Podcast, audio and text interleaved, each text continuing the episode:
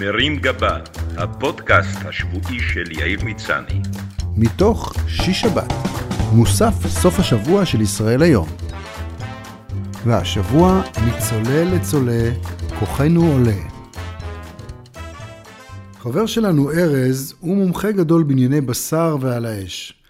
בכל פעם שאנחנו ועוד כמה מעריצים ברי מזל מוזמנים לגג הבית של רעייתו ליאת ושלו לערב עם מה שאפשר לכנות פורום מנגל, אנחנו מתענגים על יכולות הצלייה שלו. בון אפטי. הוא יודע איזה בשר לקנות ואיפה, באיזה נוזלים כדאי להשרות כל חלק ולמשך כמה זמן בדיוק בשניות. יש לו את מתקן הברבקיו המשוכלל ביותר שמאפשר לקבוע מהי הטמפרטורה המדויקת שבה רגלו של הכבש או ישבנה של הפרה מרגישים הכי בנוח.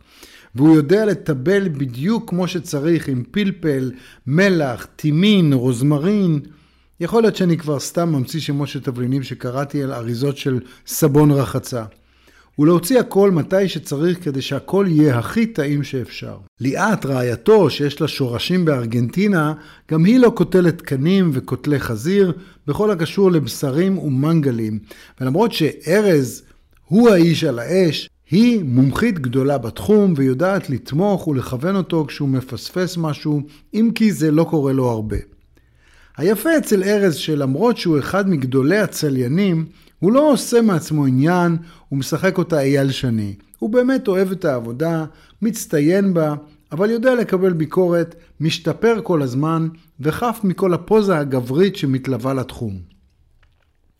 מן הידועות הוא שבשנים האחרונות, שבהן כל מי שיודע להפשיר שניצל במיקרו מחזיק מעצמו מאסטר שף, וכולם אופים וקוצצים פטרוזיליה בזמנם הפנוי, הפער בין גברים ונשים בנושא המטבח היטשטש מעט.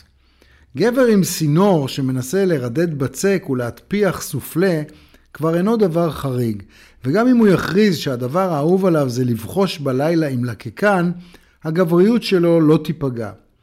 אבל משום מה דווקא נושא המנגלים עדיין מזוהה עם גברים מזיעים שאין להם מושג איך נראה מטבח. הם עומדים ליד המנגל בפאסון של קבביסט טורקי עם מגבת על הכתף וגופייה עד הפופיק, בעוד שאנשים מדירות את רגליהן מהאזור המעושן שאפשר לקרוא לו גם פינת עישון. אני, שיכולות הבישול שלי מסתכמות בביצת עין, שביום טוב לא מתפרקת כשאני הופך אותה, והמקסימום שלי בעולם הברביקיו זה להצליח לשפוך שקית ביסלי ברביקיו לקערה, מצאתי את עצמי לא פעם גוהר ומזיע על המנגל בחוסר חשק מובהק, רק בגלל שככה מקובל. למיטב ידיעתי, אין לי בעיה מהותית עם הגבריות שלי, ואני הראשון להודות שבכל הקשור למנגל, אני אחרון המצ'ואים. אני לא יודע מתי המנגל מספיק חם כדי לשים את הבשר, ומתי הגיע הזמן להוציא אותו.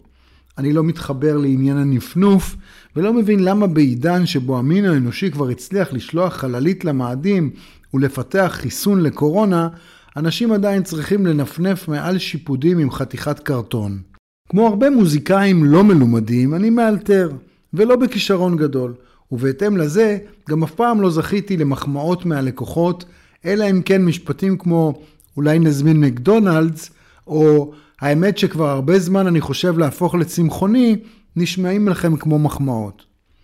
אחרי כמה וכמה ארוחות מושחתות אצלם, ולמרות הנחיתות המובהקת שיש לי בתחום מול ארז וליאת, הגברת הראשונה חשה שאי אפשר יותר שיחסי האוכל מאכיל בינינו יהיו כל כך חד צדדיים, והחליטה להזמין אותם לארוחת גומלין.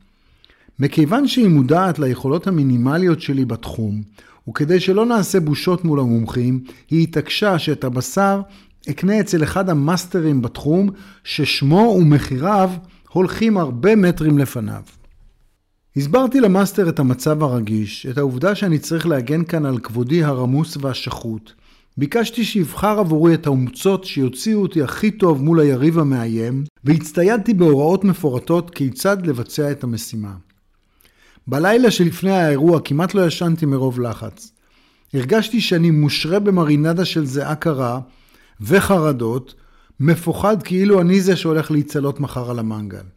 נזכרתי איך באחד האירוחים האחרונים שקעתי במהלך הצלייה בשיחה ערה עם אחד האורחים, וכל הבשר עלה באש ובתמרות עשן. את השעות המוקדמות של הבוקר, כששאר בני הבית עוד ישנים, ניצלתי לצפייה חרישית בסלון בסרטוני וידאו של כל מיני מומחים למנגל שמסבירים איך לעשות את זה נכון. אבל כמו בתקופת בית הספר, המידע נכנס מאוזן אחת ויצא מהשנייה. כמו לפני מבחן בגרות, הייתי בלחץ עצום, והפעם אפילו לא היה ממי להעתיק. עד שהזיכרונות מבית הספר והעזרה שקיבלתי שם מהחרשנית של הכיתה, הביאו לי רעיון. כמה שעות לפני האירוע צלצלתי למכר ותיק מיפו בשם חינאווי. הסברתי שמדובר במקרה חירום ובסכנה מוחשית לקיומה של מגה פדיחה. וביקשתי שיתגייס ויושיט יד לאדם עם שתי ידיים שמאליות. הוא הסכים, ובערב האירוע הגיע ביחד עם הסום מנגליסט שלו ועם כל הציוד הנלווה לחצר ליד הבית שלנו, כשהם ממוקמים במרחק סביר ומאחורי קיר. בזמן שאני עמדתי בקצה החצר שלנו ליד המנגל, הדי פרימיטיבי שלי, ויצרתי עשן בעזרת פחמים עליהם שפכתי תבלינים שחינאווי המליץ עליהם שיפיקו ריח פיקטיבי של בשר, הוא עצמו הכין את הדבר האמיתי מעבר לגדר. מדי כמה דקות הלכתי דרך פרצה בגדר למנגל של חינאווי, לקחתי מגש עם מעשה ידיו להתפאר, והגשתי לאורחים כשמגבת שלמה ארצי לכתפי ומבט חיים כהן בעיניי. ההצלחה הייתה פנומנלית. הקציצות שלי הוכתרו כהצלחה, האנטריקוטים היו רכים כמו חמאה, והשיפודי עוף עפו כמו בשיפודי ציפורה. המחמאות לא איחרו להגיע, ולמרות שבתוך תוכי ידעתי שאני הברני מיידוף של הקבבים, זה לא הפריע לי להתבשם מהתגובות הנלהבות של הנוכחים, ובראשם ארז וליאת. ארז אף דאג להגיד לי בקול רם שהוא מתרשם שבעתיים מהיכולת שלי להוציא מוצר כל כך משודרג, כשברשותי מנגל כל כך בסיסי, בעוד שהוא עובד עם מנגל שהוא הצעקה האחרונה בתחום. דפקתי מבט של צנוע המודע ליכולותיו ויודע לפרגן לאחרים, ואמרתי שעם כל הכבוד אני בסך הכל תלמיד צעיר בבית הספר של ארז, ושאת כל מה שאני יודע למדתי ממנו. אם כי בפרטי ראשי כבר התחלתי להאמין לבלוף ולדמיין את מסעדת הבשרים המצליחה שאפתח, השיפודיה העיר. אחרי אכילה מסיבית ומנות אחרונות נפלאות שהכינה הגברת הראשונה, הפעם באמת, גברת חינאווי לא שותפה בעניין, האירוע התחיל להתפזר. כל האורחים שהכירו את היכולות המוגבלות שלי דאגו לפרגן לי ליד הדלת על השיפור המטאורי ביכולות הבישול. אחרי שכולם הלכו, ארז ניגש אליי ואמר בשקט, חינאווי עשה עבודה מצוינת. בפעם הבאה תגיד לו שיחנה את המכונית עם הלוגו שלו ואיורי הפרה, הכבש והשיפודים קצת יותר רחוק. היה לי ברור שלא אתה מבשל, אבל החלטתי לא לחשוף אותך מכמה סיבות. הראשונה, כדי לא להוציא אותך לא טוב מול אשתך. מנגל זה עניין גברי, ואני משער שלא שיתפת אותה בתרמית. והסיבה השנייה היא שאשמח שמישהו כבר יחליף אותי בתפקיד אליל המנגל של החבר'ה. נמאס לי בכל אירוע להיות תקוע ליד המנגל בתוך ענן עשן, בזמן שכל השאר מבלים ומרכלים עם בירה ביד. שיהיה בהצלחה בתפקיד החדש, מקווה בשבילך שחינאווי יהיה פנוי גם בעוד שבועיים, אחרת ישחטו אותך.